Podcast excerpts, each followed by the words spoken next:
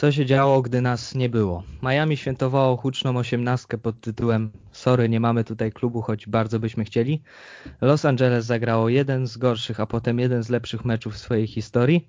Adaś Buksa stwierdził, że Stany Zjednoczone to fajny kraj i w sumie można by było tam pograć, po czym Jarek Niezgoda wyszedł z tego samego założenia i tym sposobem nasza rodzima Premier League straciła dwóch najciekawszych napastników. To tak w skrócie. Ja nazywam się Wiktor Sobociński i mam przyjemność oficjalnie otworzyć nasz podcastowy sezon Major League Soccer w zacnym gronie, jak zwykle zresztą. Kasia Przepiórka. Cześć wszystkim. Oraz Bartek Kiernicki. Cześć wszystkim. Jak słyszycie, możecie nas od teraz słuchać na Spotify. Stwierdziliśmy, że jest to o wiele wygodniejsza forma od YouTube'a, więc mamy nadzieję, że Wam się to bardzo spodoba. Z tego miejsca także zapraszamy na nasz przewodnik, e, na przewodnik, który stworzyliśmy. Znajdziecie tam całe Major League Soccer w pigułce. No może przesadzam troszeczkę, ale wszystkie najważniejsze informacje na pewno. Tak nieskromnie powiem, że jest to chyba nasz najlepszy przewodnik jak do tej pory. No i oczywiście zachęcamy też do śledzenia fanpage'a oraz do śledzenia naszych profili na Twitterze. A teraz porozmawiamy sobie troszeczkę o Lidze Mistrzów CONCACAF, ponieważ no jeszcze nie warto zbytnio trążyć tematu ligi, ponieważ dopiero się zaczęła. Dajmy jeszcze czas zespołom, żeby mogły nas przekonać bądź nie przekonać. Więc drodzy Państwo, Liga Mistrzów CONCACAF. A najpierw sobie chyba porozmawiamy o Seattle Sounders, bo to jest jedyna drużyna, która odpadła. Z MLS oczywiście. Jedyna drużyna. Jak Wam się podobał ten dwumecz, albo jak Wam się nie podobał ten dwumecz, bo chyba tak powinienem skonstruować to pytanie. Kompromitacja, tak na całej linii, bo jako mistrzowie MLS y, dostali, no powiedzmy sobie szczerze, dosyć łatwego rywala. I jak po pierwszych meczach naszych drużyn MLS-owych byłam troszeczkę e, załamana, zresztą jak zawsze, jeżeli się rozpoczyna Liga Mistrzów CONCACAF, no bo tak to wygląda, że jeszcze pierwsze mecze są rozgrywane przed startem sezonu, i zazwyczaj to jest tak, że nie mamy takiego pełnego obrazu tych, y, tej siły, takiej prawdziwej siły drużyny MLS-u, no ale spodziewałam się, że w rewanżu będzie to wyglądało zdecydowanie lepiej. No i Seattle Sanders, y, o których byłam najbardziej spokojna ze wszystkich drużyn, najbardziej zawiedli. No tak, bo trafili przecież na, na zespół z Hondurasu, jednak chyba z całym szacunkiem dla Ligi Hondurańskiej skąd y, przyszedł chociażby Albert Ellis. No jednak to nie jest zbyt mocna liga, nawet ta Olimpia, która jest tam hegemonem, to, to w starciu z drużynami z MLS, o, które mają o wiele większy budżet, no nie powinna mieć żadnych szans, a jednak wyeliminowała. Co prawda po dwóch remisach, ale, ale to nie zmienia obrazu e, rzeczy, stanu rzeczy. No nie oszukujmy tak. się, pomiędzy tymi drużynami jest przepaść, jeżeli chodzi o kadrę, no, no hmm. bądźmy poważni. Liczyłem, no jak to, tak jak i Kasia i Wiktor, że to będzie po prostu pewny awansik, prawda? No ale niestety się nie udało. Więc ogólnie z Olimpia to jest zespół, który w tamtym półroczu przegrał z Foch FC CPL 1-0. Mhm. W pierwszym meczu CONCACAF League. Więc, a powinno być dwójka albo trójka mieli po prostu pecha. Więc no, to nie jest mocny zespół. Więc no, no, dla mnie to jest porażka kompletna. Kompletna porażka. To, to tylko mi przypomina Sporting Kansas w tamtym roku.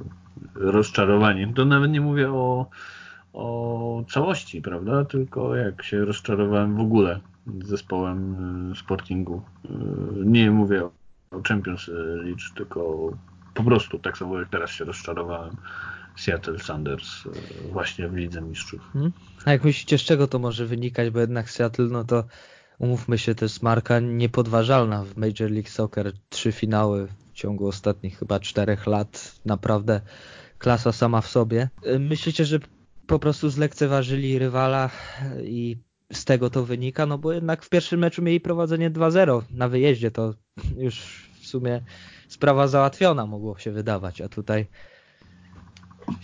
w 63, 81 minucie dostali bramki i tak naprawdę z świetnego wyniku e, wynik bardzo przeciętny. brakowało Nicolasa Lodeiro, tak? Ale no to jakby nie możemy mówić, że to jest zespół zależny tylko i wyłącznie od jednego piłkarza. No, no tak się nie da. Seattle Sanders mają bardzo mocną i wyrównaną kadrę, w szczególności tę pierwszą jedenastkę. Zaszło parę zmian. João Paulo, który no przecież jest lepszym piłkarzem i takim wzmocnieniem zdecydowanym. Jordan Morris też dobrze grał, Christian Roldan y, też przecież jest naprawdę bardzo dobrym zawodnikiem. Nie mam pojęcia w ogóle z czego to wynikało, ale Sanders wyglądali tragicznie. Jeszcze mogli w jakikolwiek sposób się obronić, y, doprowadzili do serii rzutów karnych na sam koniec. Przegrywać serię jedenastek w takim stylu, no słabo, Były dwa słabo. Pudła, prawda? Tak, Roldan nie trafił i Lerdam nie trafił. Drużyna przeciwna się nie myliła, tak? Nawet nie wiem, czy mam jakiekolwiek usprawiedliwienie dla nich? Wydaje mi się, że nie. Po prostu to było żenujące, w szczególności jeżeli sobie pomyślimy o zespołach, które grały w Lidze Mistrzów CONCACAF i wcale nie byliśmy pewni tego, czy awansują, a okazuje się, że nawet Montreal Impact, który był moim zdaniem najsłabszym ogniwem z tych wszystkich drużyn MLS-u, był sobie w stanie poradzić y, z rywalem i awansować. Spokojnie dojdzie do półfinału. To jest pewniaczek.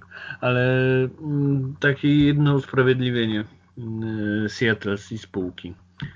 Oni zawsze grali na początku sezonu słabo. Odkąd oglądam MLS, a to już będzie czwarty sezon, i wiem, że wcześniej też tak y, słabo grali, że zawsze odpalali dopiero w połowie sezonu. Może po prostu format, że grają na wiosnę, nawet w zimie.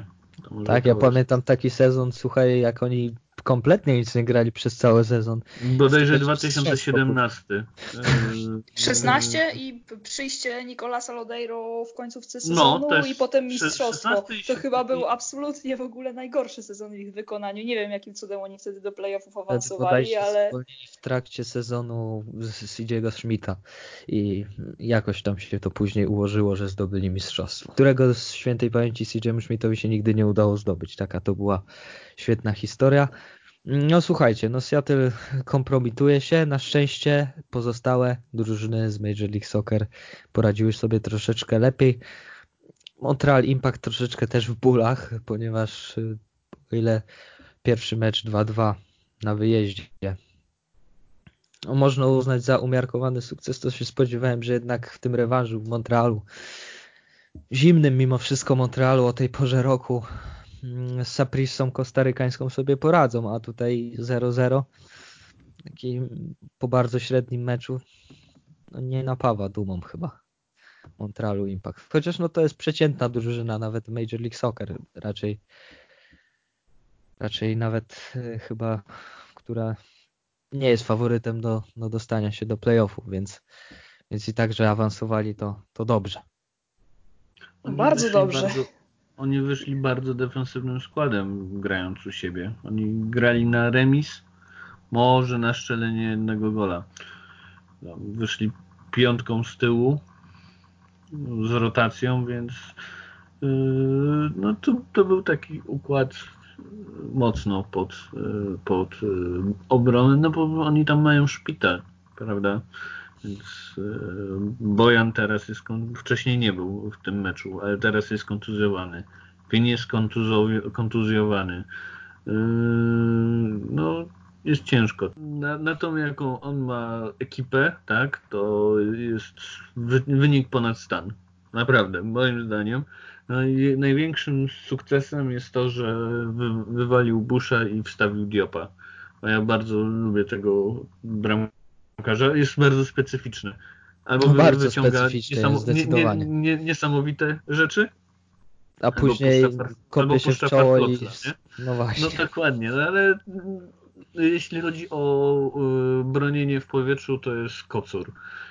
Później puści szmatę po, po, po podłodze, taką lekko później... turlającą się, mhm. ale strzały takie, że broni, że lata, to jest naprawdę fajne.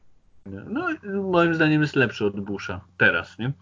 I faktycznie w obu spotkaniach e, Champions League to on wybronił wynik. I w pierwszym, i w drugim.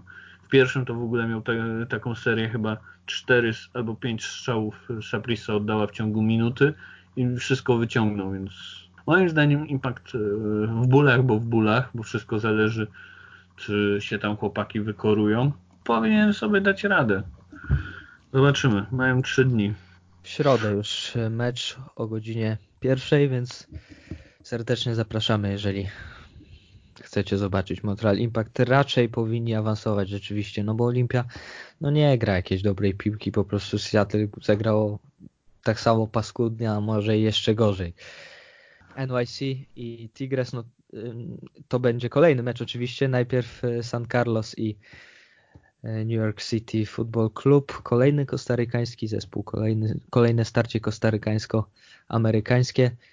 Pierwszy mecz to jest 3 do 5 u siebie przegrali Kostarykanie. Tak naprawdę już to była bardzo komfortowa sytuacja dla Nowego Jorku, chociaż tam ten mecz wcale nie był taki łatwy. Szkoda, że to New York City FC gra falami w Lidze Mistrzów, bo nie mówię o lidze naszej e, tutaj MLS, bo, bo w lidze grają tragicznie, absolutnie tragicznie, ale w, właśnie w Lidze Mistrzów CONCACAF widać e, takie fale. W tym pierwszym meczu Okej, okay, 5 do 3 na wyjeździe. Pierwszy raz w ogóle e, w historii tej nowoczesnej Ligi Mistrzów CONCACAF zawodnik z klubu MLS strzela hat mowa o Heberze i to jest gościu, który po prostu ciągnął tę drużynę. To jest niesamowite, że mają tam taką pakę i no mają. nie potrafią mają. tego wykorzystać tak w 100%, bo okej, okay, oni wygrali i, i, to jest y, jakby awans, no musiał być tutaj awans, no nie oszukujmy się, w szczególności po pierwszym meczu. No ale w drugim spotkaniu tam jedyną bramkę strzelił Kajens i to tak po takim jednym stałym fragmencie gry. I to nie była najlepsza gra już New York City FC, mimo że przed własną publicznością, chociaż to jest i tak wątpliwe, że przed własną publicznością. No, to też prawda. Za chwilę właśnie, może już teraz odpowiedni czas, żeby zadać pytanie od widza, słuchacza. Narawicz 17 na Twitterze zadał takie pytanie, czy brak piłkarskiego stadionu z prawdziwego zdarzenia, a także organizowanie spotkań raz na Yankee, raz na City Field ma rzeczywiście znaczący wpływ na nierówną grę i słabe playoffy w wykonaniu NYCFC, jak sądzicie? No nie do końca, ale zgodzę się, że granie na przykład właśnie meczu Ligi Mistrzów CONCACAF na stadionie derbowego rywala, czyli New York Red Bulls, to jest głupota po prostu. To jakby to jest skandal i, i nie dziwię się, że kibice mocno się pospinali z władzami klubu, bo to jest, no to jest niepoważne, że klub y, gra naprawdę. Powiedzmy, że w poprzednim sezonie w końcówce grali dobrą piłkę. Zresztą osiągnęli najlepszy wynik w historii, jeżeli chodzi o liczbę zdobytych punktów, co już oczywiście świadczy. Nawet jeżeli nie pokazali pełni swoich możliwości, to byli w stanie wykręcić najlepszy wynik w historii. A kibice w nagrody dostają to, że ich drużyna w Lidze Mistrzów CONCACAF pierwszy raz w historii gra na stadionie derbowego rywala. No przecież to jest niepoważne. No i trochę musieli też przejechać, bo tam jest chyba 50 km. No trochę jest, rzeczywiście. To też tam to nie, to nie rzut beretem, prawda? To, to już jest inny stan, pamiętajmy. Tak, dokładnie. Co jest bardzo ważne dla kibiców e, z Nowego Jorku. Zdecydowanie. No tutaj rzeczywiście trzeba przyznać, że to jest dramatyczna decyzja e, włodarzy klubu NYC. Natomiast no nie ma to jakiegoś pewnie wielkiego znaczenia. No, jeżeli jesteś piłkarzem i, i trenujesz, masz jakiś tam trening na tym stadionie, zwłaszcza, że to nie jest podróż do Portland przez całe Stany Zjednoczone, no to nie ma to wpływu znacząco na twoją grę. Tak, takie Aczkolwiek no, musi, być, musi być stadion Trochę jednak typowo piłkarski dla New York City FC, no, no nie oszukujmy się. Nie no, nie już... mogę grać na boisku baseballowym w Lidze Mistrzów CONCACAF, no tu już muszą być jakieś, jakieś tam Jakieś tam no pojawiły się jakieś plany, żeby w końcu był ten stadion wybudowany dla New York City FC i, i już sieci krążą. Aczkolwiek no do tego jeszcze chyba mm, tak, na Bronxie do, to prawda. I hmm. jeszcze jest, y, jeszcze jest trochę czasu, zanim to wszystko wejdzie w życie. Ale popatrzmy na to, jak stanowczy w ostatnim czasie jest właśnie komisarz ligi, czyli Don Garber i w stosunku do Nashville y, i w stosunku do Interu Miami. Y, także tutaj nie ma przelewek. Akurat uważam, że New York City FC to jest trochę taka święta krowa w tym MLS i jeżeli nie mają tego stadionu, no to widzimy, że na razie nie ma jakichś takich jasnych deklaracji, że ogarnijcie stadion, bo będzie relokacja. Nie, bo to by się nie opłacało lidze przede wszystkim, ale myślę, że to już jest ten moment, gdzie bardzo, bardzo poważnie trzeba myśleć o stadionie i to w krótkim czasie, zdecydowanie w krótkim czasie. W krótkim czasie to najszybciej go wybudują w 2024. Więc jeśli go w tym roku ogłoszą. Właśnie o to chodzi, że po prostu już było to oficjalne ogłoszenie, że słuchajcie, tak, robimy Jak ten już go stadion, będą a... tam y, składać, no to już będzie inna rozmowa, prawda? Dokładnie, no ale to jest nieuniknione, tu musi być stadion. A jak myślicie, już kończąc temat stadionu, zapewne będzie się jeszcze pojawiał taki temat, ponieważ no to zależy wszystko od waszych pytań.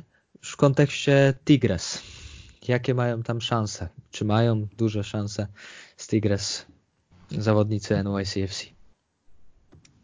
Jak będą ty- grali tak jak w lidze, to nie.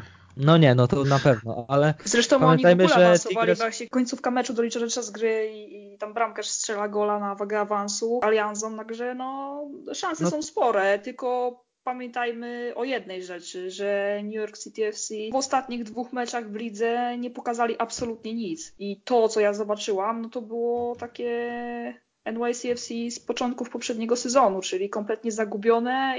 No ci piłkarze wyglądali tak, jakby naprawdę nie mieli zielonego pojęcia, co oni robią na boisku, a już y, nie mówiąc o tym, że środek pola, która, czyli formacja, która jest bardzo mocna w tej drużynie, wyglądała absolutnie tragicznie. dobrze, że nie powiedziałaś NYCFC Jasona Kreisa, bo to już w ogóle chyba bym się złapał za głowę z pierwszego sezonu. Ale Tigres rzeczywiście to też nie, nie zagrało dobrego, dwóch dobrych spotkań. Ten pierwszy to w ogóle masakra, a w drugim wygrali 4-2 u siebie, no ale tak jak powiedziałaś, gol w 94 minucie to, to na No wszystko tam zależy jak, Mhm. jak, jak zagra ich emeryt, prawda? Bo Liga MX to Liga Emerytów i André Pierre Gignac. Nie wiem, czy dobrze mówię, ale mówię No o Żyniak, Francuzie. tak, 30 no, że trzy- musi, musi Żyniak 34 dobrze lata. Oczywiście żartuję z tymi emery, emerytami, ale to jest ich e, główna broń i on jest po prostu no, niesamowitym piłkarzem i on tam po prostu krę, kręci liczby świetne, więc e, no jest pytanie właśnie jak on będzie grał, bo, bo to wszystko zależy e, od niego moim zdaniem. LAFC i, i klub Leon, czyli no powrót z bardzo dalekiej podróży. Tak mógłbym zacząć, ponieważ pierwszy mecz Los Angeles Football Club to był totalny dramat, w którym naprawdę podopieczni Bradley'a nie pokazali kompletnie nic, a z kolei drugi mecz to wow. No tam, tam z kolei Leon nie, nie pokazał nic, właściwie nie został dopuszczony przez Los Angeles FC, żeby mógł coś pokazać. Tam naprawdę totalna dominacja piłkarzy. No nie oddali ani jednego strzału. To jest, to A- trzeba podkreślić. A, a trzeba też powiedzieć, że to nie Leon teraz tam nie, nie szoruje dna, tylko jest trzeci w lidze. e, Tak. W Klau- Klaus. tak, to jest bardzo mocny tak. zespół. A w aperturze skończyli na drugim miejscu, więc to, to, oni tam nie mają przypadku, tak? Oni mają 8 spotkań, 15 punktów, 5 wygranych na 8 spotkań. E, Tylko Azul ma więcej, bo ma 6 spotkań, tylko na 9 meczy. Więc e, no, to, to, nie, to, nie jest, to nie są chłopcy do bicia, naprawdę. W ogóle ten klub się bardzo fajnie e, roz, rozwinął w ostatnich latach i bardzo fajnie gra. Też trzeba podkreślić, że pierwszy raz w historii klub MLS y, był w stanie odrobić dwubramkową stratę z wyjazdu, tak? To jest bardzo w ogóle niespotykane i LAFC dokonali tego z drużyną z Meksyku, czyli jednak my oglądając y, Ligę Mistrzów CONCACAF mamy trochę kompleks tych meksykańskich drużyn, bo zawsze mm, jak mamy taką świadomość, że jest dobry zespół, to okazuje się, że w starciu z tymi drużynami z Meksyku no jest klapa, a tutaj Los Angeles FC, mistrzowie sezonu regularnego, którzy pobili rekord punktowy, dali radę w, tym, w tej lidze mistrzów CONCACAF i to mnie bardzo cieszy. Jeszcze jedna rzecz bardzo ważna, mianowicie ten pierwszy mecz. Oni tam powinni przegrać zdecydowanie wyżej, nie oszukujmy się. Zresztą LAFC mieli bardzo, bardzo eksperymentalny skład i tutaj da się to ich troszeczkę usprawiedliwić. Jeżeli wychodzi ci y, w tak ważnym meczu dzieciak, y, który jest z Akademii w ogóle Barcelony, no ale no nie miał zbyt wielkiej styczności z LAFC i, i właśnie on tam wychodzi i ma jedną z lepszych akcji w końcówce meczu, to wiedz, że coś jest nie tak. Brakowało tych y, takich stałych punktów i trzonu zespołu z poprzedniego roku. No ale Bob Bradley to ogarnął i LAFC awansowali dalej. Inna sprawa, że mają bardzo trudną drabinkę. No mają no. najpaskudniejszą drabinkę ze wszystkich zespołów, ponieważ teraz trafili na Cruz Azul, więc trafiła kosa na kamień. Niestety. Nie no, mam nadzieję, ale, że sobie poradzą. Ale Cruz chociaż... Azul sobie nie, nie pokazała nic. No w drugim meczu to już gra... była dominacja. Jak Port. grali z Mortmore, Portmore, to po pierwsze w pierwszym meczu nawet przegrywali tak. przez 20 minut w 70 chyba 5 stracili, tam w 94 tak, i 90... właśnie ten doliczony czas gry ich uratował no, tak naprawdę. Tak, tak było, było, tam troszkę drukowania, no ale w drugim meczu szczelili 4 gole. W kontekście, w kontekście międzynarodowych rozgrywek i, i drukowania Meksyku to, to akurat pasuje, bo wielokrotnie w strefie no. CONCACAF te meksykańskie me, me, akcenty me, były. Me, Meksykanie, Meksykanie są świętą krową CONCACAF, no i będą, no i ta, nie, nie, ma, nie ma co w ogóle myśleć, że to jest inaczej. Okej. Okay, ale to będzie na pewno hit. Będzie, to będzie trudny zespół, no ale jeszcze trzeba pamiętać, że Los Angeles ile? Cztery dni przed e, pierwszym spotkaniem e, wytradowali do Nashville swojego najlepszego obrońcę. Walkera Zimmermana, tak jest. Więc to, to też za To, co wyprawiał Jakowicz z Blackmonem w obronie w pierwszym meczu, no, to ja po bo, prostu, bo... to był dramat. Ja się, ja się wtedy załamałam. Jak oglądałam te wszystkie mecze w tej pierwszej rundzie tych drużyn MLS, to mówię, nie, no po prostu kolejny raz będzie powtórka, znowu wszyscy dostaną w czapkę. Nie, to się, to się nie może tak skończyć. Jeszcze jak patrzę na najlepszą drużynę z poprzedniego sezonu, która wyprawia takie rzeczy, no to się załamałam. Wszyscy byli tam tacy wczorajsi, bo Blessing w pierwszym meczu, a Blessing nie, w no, drugim no, Blessing. meczu to też była przepaść. Blessing w drugim meczu grał, zagrał świetne zawody, w pierwszym meczu tracił piłki na własnej połowie, no to kryminały popełniał same właśnie w tym pierwszym spotkaniu w Meksyku. No, a drugi mecz to już naprawdę klasa sama w sobie. Mhm. Jeszcze jak, jak gruchnęła ta wieść o tym największym transferze, jeśli chodzi o obrońcę y, w środku MLS, to ja byłem pewien, że mają ugranego jakiegoś nowego obrońcę i to będzie switch, nie? Że tu wypychają go do Nashville i do muzycznego miasta i zaraz kogoś ogłoszą, a tu no, nie A tu cisza i niespodzianka się okazuje, że Jakowicz no. gra na środku obrony. No, no to powiem szczerze, świetna wymiana. No, ryzykancka. E, co mamy dalej? E, mamy dalej Atlanty United, która oczywiście no, poradziła sobie bez większych problemów. Już w tym pierwszym meczu może przez chwilę mieli problemy, później zremisowali ostatecznie i w drugim spotkaniu już nie dali najmniejszych szans rywalom, no ale Atlanta United wtedy miała na środku ataku napastnika, bardzo dobrego napastnika, ale przede wszystkim miała napastnika, teraz no nie wiem, czy Jan to, to w ogóle jest kategoria napastnik, jak już to takiej kategorii C albo i jeszcze niżej. Nie, nie mówmy o Adamie Janie, po prostu nie mówmy o nim, bo dla mnie to jest w ogóle, dla mnie to był hit, jeżeli, jak się dowiedziałam, że on z Phoenix przychodzi nagle do Atlanty United i mówię, Ale on, no nie jest to dobry ruch ale bo on, on jest skrojony pod USL, no mówmy się, on w żadnym klubie MLS niczego wielkiego nie pokazał. No może w Columbus Crew y, w playoffach to był jedyny mecz, gdzie coś, y, coś mu zawdzięczają, bądźmy poważni. A tu nagle do Atlanty United, no i nagle się okazuje, że po pierwszym meczu wypada ci Joseph Martinez i zostajesz z Janem w ataku. Świetnie. Ten mecz pierwszy 1-1, ale tam była dominacja Atlanty. Tak, no, zdecydowanie. No, no dlatego mówię, że tylko na początku mieli tam problem w postaci straconej bramki, później wyrównali, dominowali, a drugi mecz to była formalność. Tak, e, Bartku, ja czuję, że ty bardzo chcesz coś powiedzieć, tak przerywaliśmy. Bo chciałem, chciałem, chciałem wam zadać pytanie, jak myślicie, dlaczego e, Atlanta została z jednym napastnikiem przed sezonem? No bo grają na jednego napastnika, a Joseph Martinez praktycznie w ogóle nie schodzi z boiska, myślę, że... Dokładnie i właśnie to jest to, że oni, tak samo zresztą jak e, lepszy klub z Los Angeles, przeforsowali się moim zdaniem budżetowo i z Los Angeles sprzedali za dużą kasę obrońcę, bo po prostu im się budżet nie spinał. Tak samo Atlanta się e, nie spinała i po prostu zostali z jednym napastnikiem. Tak jak mówicie, Józek zawsze grał, no ale chociażby nie chronili Vasqueza, tak, w expansion draft No i oddali I Hectora za, za, za, I sprzedali za tam grosze Hektora. Aczkolwiek no, tutaj trzeba oddać Atlancie, że y, na przykład Gonzalo Martinez w tym sezonie i Ezekiel Barco bardzo dobrze grają. Nie mam w ogóle im absolutnie nic do zarzucenia. Super. To jest topka. Topka, tylko Top, no, będzie brakowało Martineza top, zdecydowanie. Topka plus e, napastnik, który jest totalnym drewnem, gdzie nigdzie by nie dostał placów w żadnym zespole MLS. I to Absolutnie mówię, żadnym. nie, nie wiem, czy nawet w tamtym roku w Minnesocie by nie żłapał jedenastki. Więc Szczerze mówiąc, naprawdę... moim zdaniem on by się nie łapał do kadry meczowej w Minnesocie. no, no... to jest tyle. Już kończmy w ogóle pojazd A teraz, bo to jest... Teraz macie, teraz macie taką... Rzecz. Atlanta stoi w o tyle dobrej sytuacji, że jako jedyny klub z MLS w tej rundzie, czyli w ćwierćfinałach, e, będzie rewanż grała u siebie. Tak, jeśli skołują napastnika do tego czasu, to jest szansa. Do maja jest okienko transferowe, także jeszcze jest czas. Tak, tak. A może tradezik.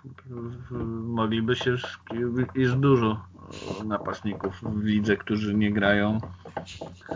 Więc, ja no, myślę, a... że trzeba, ja myślę, że trzeba mimo wszystko się uśmiechnąć do USL, żeby ktoś tam poszedł na. Opcjon, opcjonalnie wyciągną od swojego derbowego rywala. Mają, w Orlando jest taki napastnik, który kiedyś dobrze grał w Sportingu Kansas oni go chętnie sprzedadzą, wypchną go wręcz, więc no dom tak. mhm. daleko nie będziesz miał. Żona dalej będzie dojeżdżać, bo to jest rzut beretem. można, można cały czas mieszkać w Orlando, dokładnie. No. To jest bardzo dobry pomysł, ponieważ Don Dwyer jest niskim i szybkim zawodnikiem zwrotnym, czyli taka no, gorsza, zdecydowanie gorsza wersja Josefa Martineza, ale o podobnej powiedzmy charakterystyce, więc jeżeli tak, to, to by na pewno był dobry pomysł. No ale oczywiście nie plotkujmy tutaj. Jeszcze powiem tylko, że istnieje takie, takie prawdopodobieństwo, że będziemy oglądali e, Jana przez bardzo, bardzo długi czas nam i zrobi 2000 minut w tym sezonie MLS, więc... Nie zrobi, nie zrobi. Też nie chce mi się w to byłoby wierzyć. To, byłoby to fajne mm, dla samego bólu kibiców Atlanty, no ale nie, niech mają. Ży, życzę im jak najlepiej oczywiście. To Przechodzimy by dalej, bo to proporcja, już... nie dobrze. Tak, pytania to już teraz jest za duży pojazd, za duży pojazd. Mamy od was malutki zestaw pytań. Więc przejdźmy do tego, żebyśmy już tutaj nie tracili czasu. Myślę, że Adam Jan już ma dosyć, jeżeli tego słucha. Kogo z Polaków widzielibyśmy w MLS? Tutaj mam taki przedział nawet, to jest bardzo, bardzo precyzyjne pytanie od 16 do 25 lat musi mieć ten zawodnik. Patryk Nowak z naszej grupy, na którą też serdecznie zapraszamy, amerykańska piłka, grupa dyskusyjna, tak to się nazywa. No to co, jesteście jakoś zapoznani, jeżeli chodzi o ekstraklasę, bo ja będę miał problemy tutaj, jeżeli chodzi o Polaków, których chętnie bym widział. Znaczy ja myślę, że ci wszyscy, którzy się wyróżniają, to już są w notesach scoutów i na przykład takim jednym piłkarzem, którego bym chciała bardzo widzieć w MLS-ie i uważam, że byłby jednym z ciekawszych i lepszych zawodników, to na pewno byłby Kamil Jóźwiak z Lecha Poznań. Aczkolwiek nie uważam, że to jest zawodnik, który przeszedłby do MLS-u, tylko myślę, że tej agenci szukają dla niego jakiegoś lepszego rozwiązania na zachodzie. A z tych piłkarzy takich powiedzmy, że z całej reszty, no to wiadomo, że tam przewijało się kilka nazwisk. Przewijał się chyba Sobociński, mm, przewijał się też Płacheta, no i to tu dużo mówić. Fila się też przewijał, y, jeżeli chodzi o MLS, z tych młodszych piłkarzy. Też nie uważam, że większość z nich to jest na przykład dobry materiał na grę w MLS-ie, bo to na przykład Sobociński w MLS-ie no, w ogóle mnie nie przekonuje, tak? No już jeden A... jest, wystarczy. Czy mówiąc o MLS. Dokładnie i już jakby na tym się zatrzymajmy. Lepszego Sobocińskiego w MLS już mamy. Ja mogę powiedzieć tylko jedną rzecz odnośnie Polaków w MLS. Była kiedyś taka sytuacja, w której poszedłem sobie na siłownię i patrzę, o, Jacek Góralski jest na siłowni. No i zapytałem go oczywiście, Seattle Sounders, on tylko tak na dystans powiedział, no jeszcze nic nie mogę powiedzieć. Niestety do tego nie doszło, a była była przecież okazja, żeby, znaczy były plotki, jakoby miał się przenieść do Seattle Sounders. Y, co prawda widziałbym go dopiero po Euro, natomiast już wiemy, że do tego nie dojdzie. Więc ja nie będę się wypowiadał na temat Polaków w MLS, bo po prostu no, nie czuję się kompetentny. Chyba, że ktoś na przykład z Ligi Włoskiej tam na razie nie będą grali w piłkę, więc może to nie jest zły pomysł. Ale to raczej by musiało być kontrakty designated player, więc raczej do tego nie dojdzie.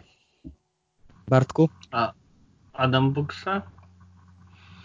Nie znaczy, nie Adam Buksa, przepraszam. Jego młodszy brat pewnie. Nie, no, Aleksander. Aleksander. Aleksander.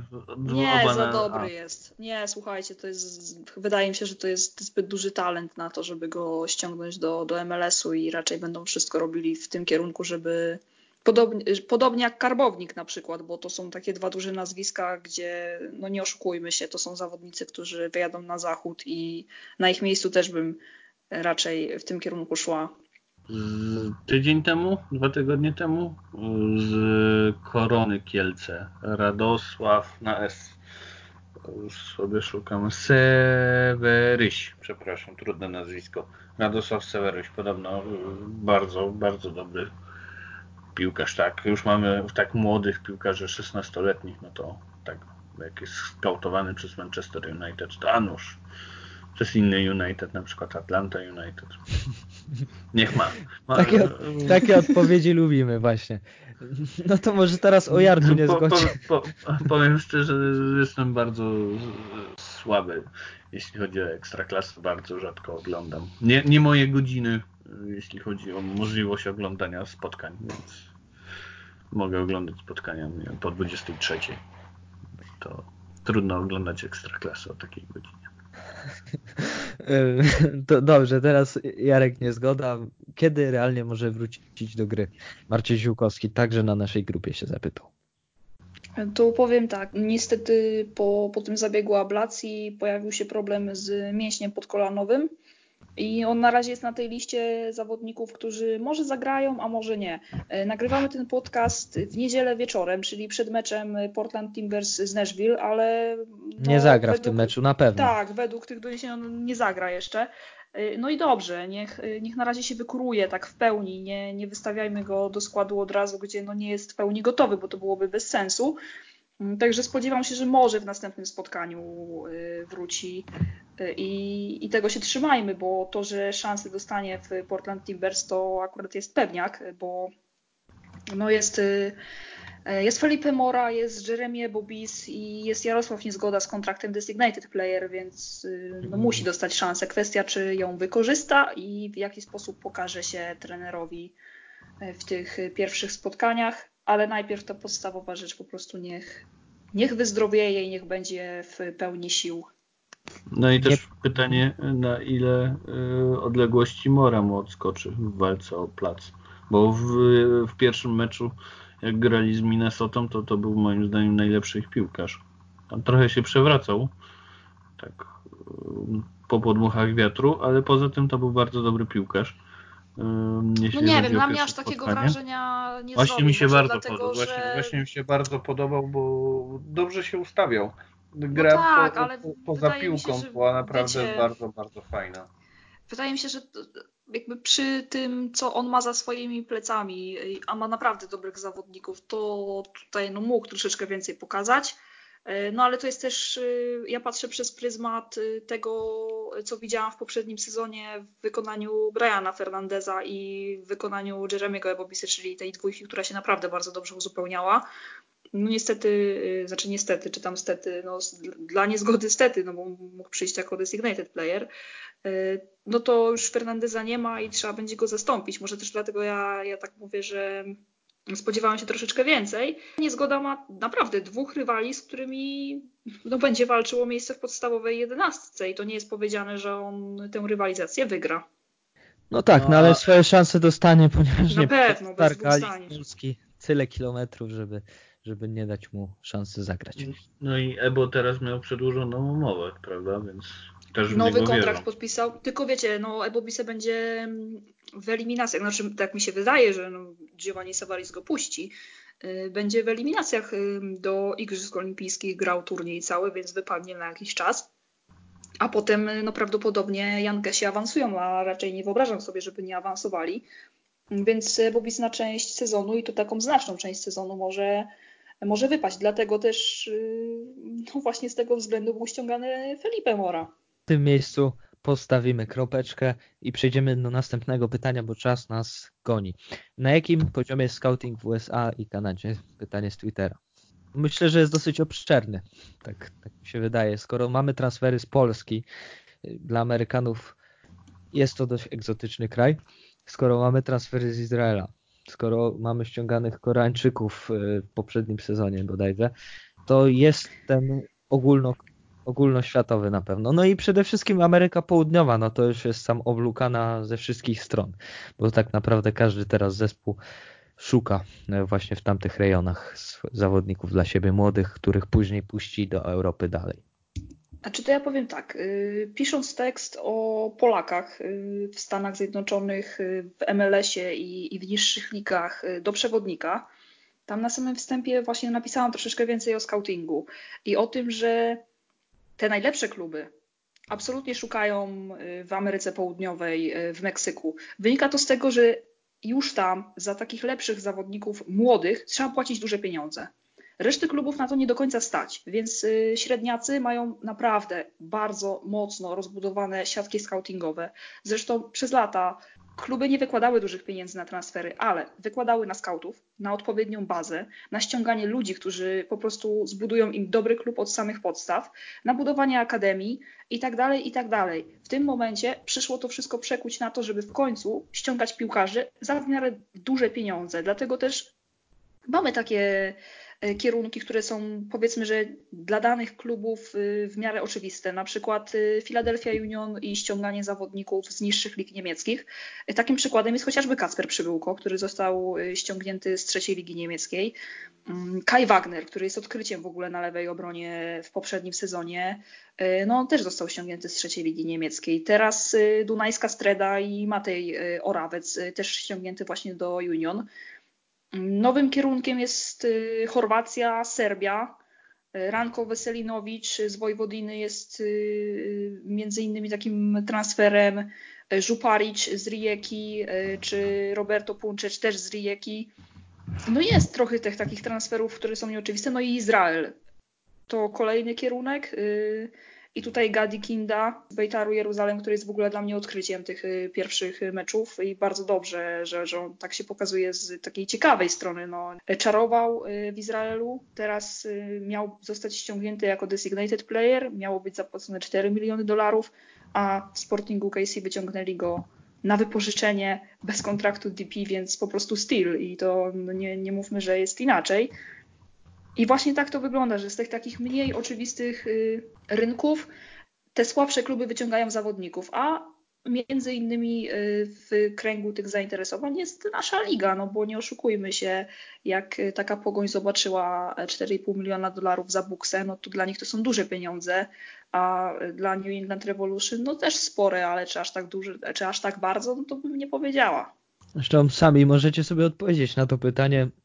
Macie Europę, załóżmy, i czy weźmiecie zawodnika z nawet powiedzmy z drugiej ligi hiszpańskiej, czy z, ze słabszego zespołu, zabulą wam taką kasę, że nie macie w ogóle podjazdu.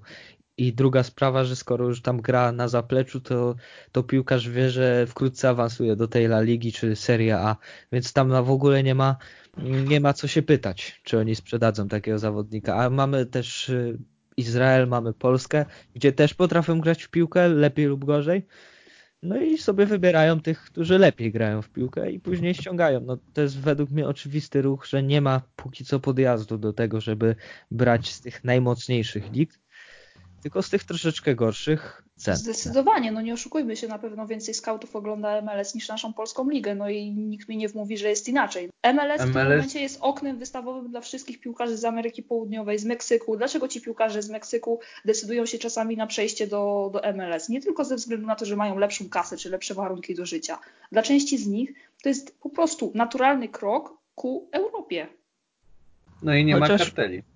Chociaż mieszkanie w Miami też jest dosyć atrakcyjne, tak myślę, że. No oczywiście, jest oczywiście, Pizarro, tak. no jakby warunki, warunki do życia tutaj bardzo dużo, y, grają bardzo dużą rolę i to też podkreślali y, zawodnicy, którzy przychodzili na przykład do MLS-u, a mieli na przykład też oferty z Meksyku, no, że w Stanach Zjednoczonych jest po prostu dużo lepsze życie. Ja bym tylko, jeśli chodzi o scoutów, tym idealnym przykładem, oprócz tych, które Kasia przedstawiła, to jeszcze Vancouver Whitecaps. Tak. Co oni ze chłopaków wyciągają? Oni wyciągnęli y, chłopaka z ligi izraelskiej, Leonarda Omsu. Wyciągnęli Bajkela z bułgarskiej, z CSKA Sofia. Wyciągnęli Cristiana Gutierreza, to jest zresztą Kanadyjczyk, z Colo Colo. Całe, y, całą, całe życie grał w Colo Colo. No i jeszcze wyciągnęli y, Ranko Wesylinowicza z serbskiej ligi. I to z jest chłopak. Kto, to jest Wojkodina to jest trzeci klub e, w tym sezonie w lidze serbskiej, tylko tam dwóch potentatów jest mocniejszych. Drugim fajnym mm, Serbem jest Dawid Milinkowicz, wyciągnięty z Hull City z Championship. Też Serb. Więc e, no naprawdę ja wierzę w Whitecaps. Oni niskimi kosztami, oprócz oczywiście E, Lukasa ściągnęli, zrobili całkiem ciekawy zespół. Zobaczymy. Bardzo ciekawy, bardzo ciekawy, dlatego polecamy. No i młody. Tak, tak. O, zdecydowanie polecamy młody. obserwować, bo, bo, piszemy o tym dosyć często na, na Twitterze czy, czy na naszym fanpage'u i, i naprawdę, jeżeli tam troszeczkę będziecie dłużej obserwować MLS, to zobaczycie, że tych nazwisk naprawdę bardzo ciekawych piłkarzy z nieoczywistych lig w MLS jest bardzo dużo, a to tylko świadczy o tym, że ta siatka scoutingowa klubów y, Major League Soccer jest niezwykle rozbudowana. To teraz drugą stronę troszeczkę zagramy, bo pytanie brzmi tak. Jakie gwiazdy mogą wpaść do Miami Beckhama? Takie realne nazwiska. To jest to w nawiasie podkreślone, realne nazwiska. No bo wszystkich już wymieniali, wszystkie możliwe nazwiska już zobaczyłem w kontekście Miami Beckhama, naprawdę. Widziałem Leo Messiego. No. Widziałem tak, Leo Messiego, no nie no Neymar, naprawdę. wszyscy, no proszę. To jest, to jest niesamowite po prostu. A skończyło Neymar się na Pizarro, jeszcze... który, który prawdopodobnie jeszcze tutaj będzie kosztował dużo więcej, bo, bo jak wiemy pojawiły się zarzuty o to, że transfer y, nie został w pełni przeprowadzony tak jak powinno, a mianowicie David Beckham nakłaniał go do transferu, a że jest jednym z właścicieli, to tam jest niezgodne z zasadami FIFA i tutaj podejrzewam, y, że skończy się na wysokiej karze. Spodziewam się jakiegoś dużego ruchu latem, zdecydowanie. Y, musi ktoś przyjść do tej drużyny, bo, bo nie wierzę, że będzie inaczej. No ale na ten moment to Miami mają zdecydowanie poważniejsze problemy, mianowicie nazwę klubu, Pizarro, który tutaj transfer już wspomniałam, też jest sporo problemów. No i oczywiście stadion, czyli niekończąca się saga przepychanki z ratuszem. Beckham ma sporo na głowie, a tutaj transfery dla niego w tym momencie. Ja też nie chcę mówić, że przyjdzie taki albo inny piłkarz, bo to jest, y, to jest trochę bez sensu. Tutaj co tydzień się pojawia jakieś duże nazwisko nowego piłkarza i oczywiście 50 tysięcy artykułów na temat tego, czy Dawid Silva zagra w Interze Miami. No pewnie chciałabym, żeby zagrało, bardzo sobie cenię tego piłkarza, ale tutaj naprawdę co tydzień jest jakieś, jakieś duże nazwisko, a Beckham ma w moim odczuciu na ten moment no, poważniejsze problemy na głowie niż y, ściąganie y, Leo Messiego do, do Interu. No. Podsumowując Neymar, ale jak tam będzie miał w kontrakcie dwa tygodnie przerwy na karnawał w Rio, tak mi się wydaje coś. Tak, zdecydowanie tak. No to tyle chyba, jeżeli chodzi o Miami Beckhama. To jest też ostatnie pytanie, które zadaliście nam w tym tygodniu. Jeszcze raz zapraszamy na, na przewodnik. Jeszcze raz zapraszam na podcast, który pojawi się w przyszłym tygodniu. To z ręką na sercu. I co? I możecie zadawać nam pytania, możecie e, pisać na, na Twitterze, na grupie, na, na fanpage'u. Nie będziemy odpisywać, po prostu poruszymy temat tutaj i jeżeli chcecie nas wesprzeć, to także zapraszamy na nasz, na nasz profil na Patronite. Za dzisiaj dziękujemy. Kasia Przepiórka. Dziękuję. Bartek Kiernicki. Dziękuję. Oraz Wiktor Sobociński. Do usłyszenia.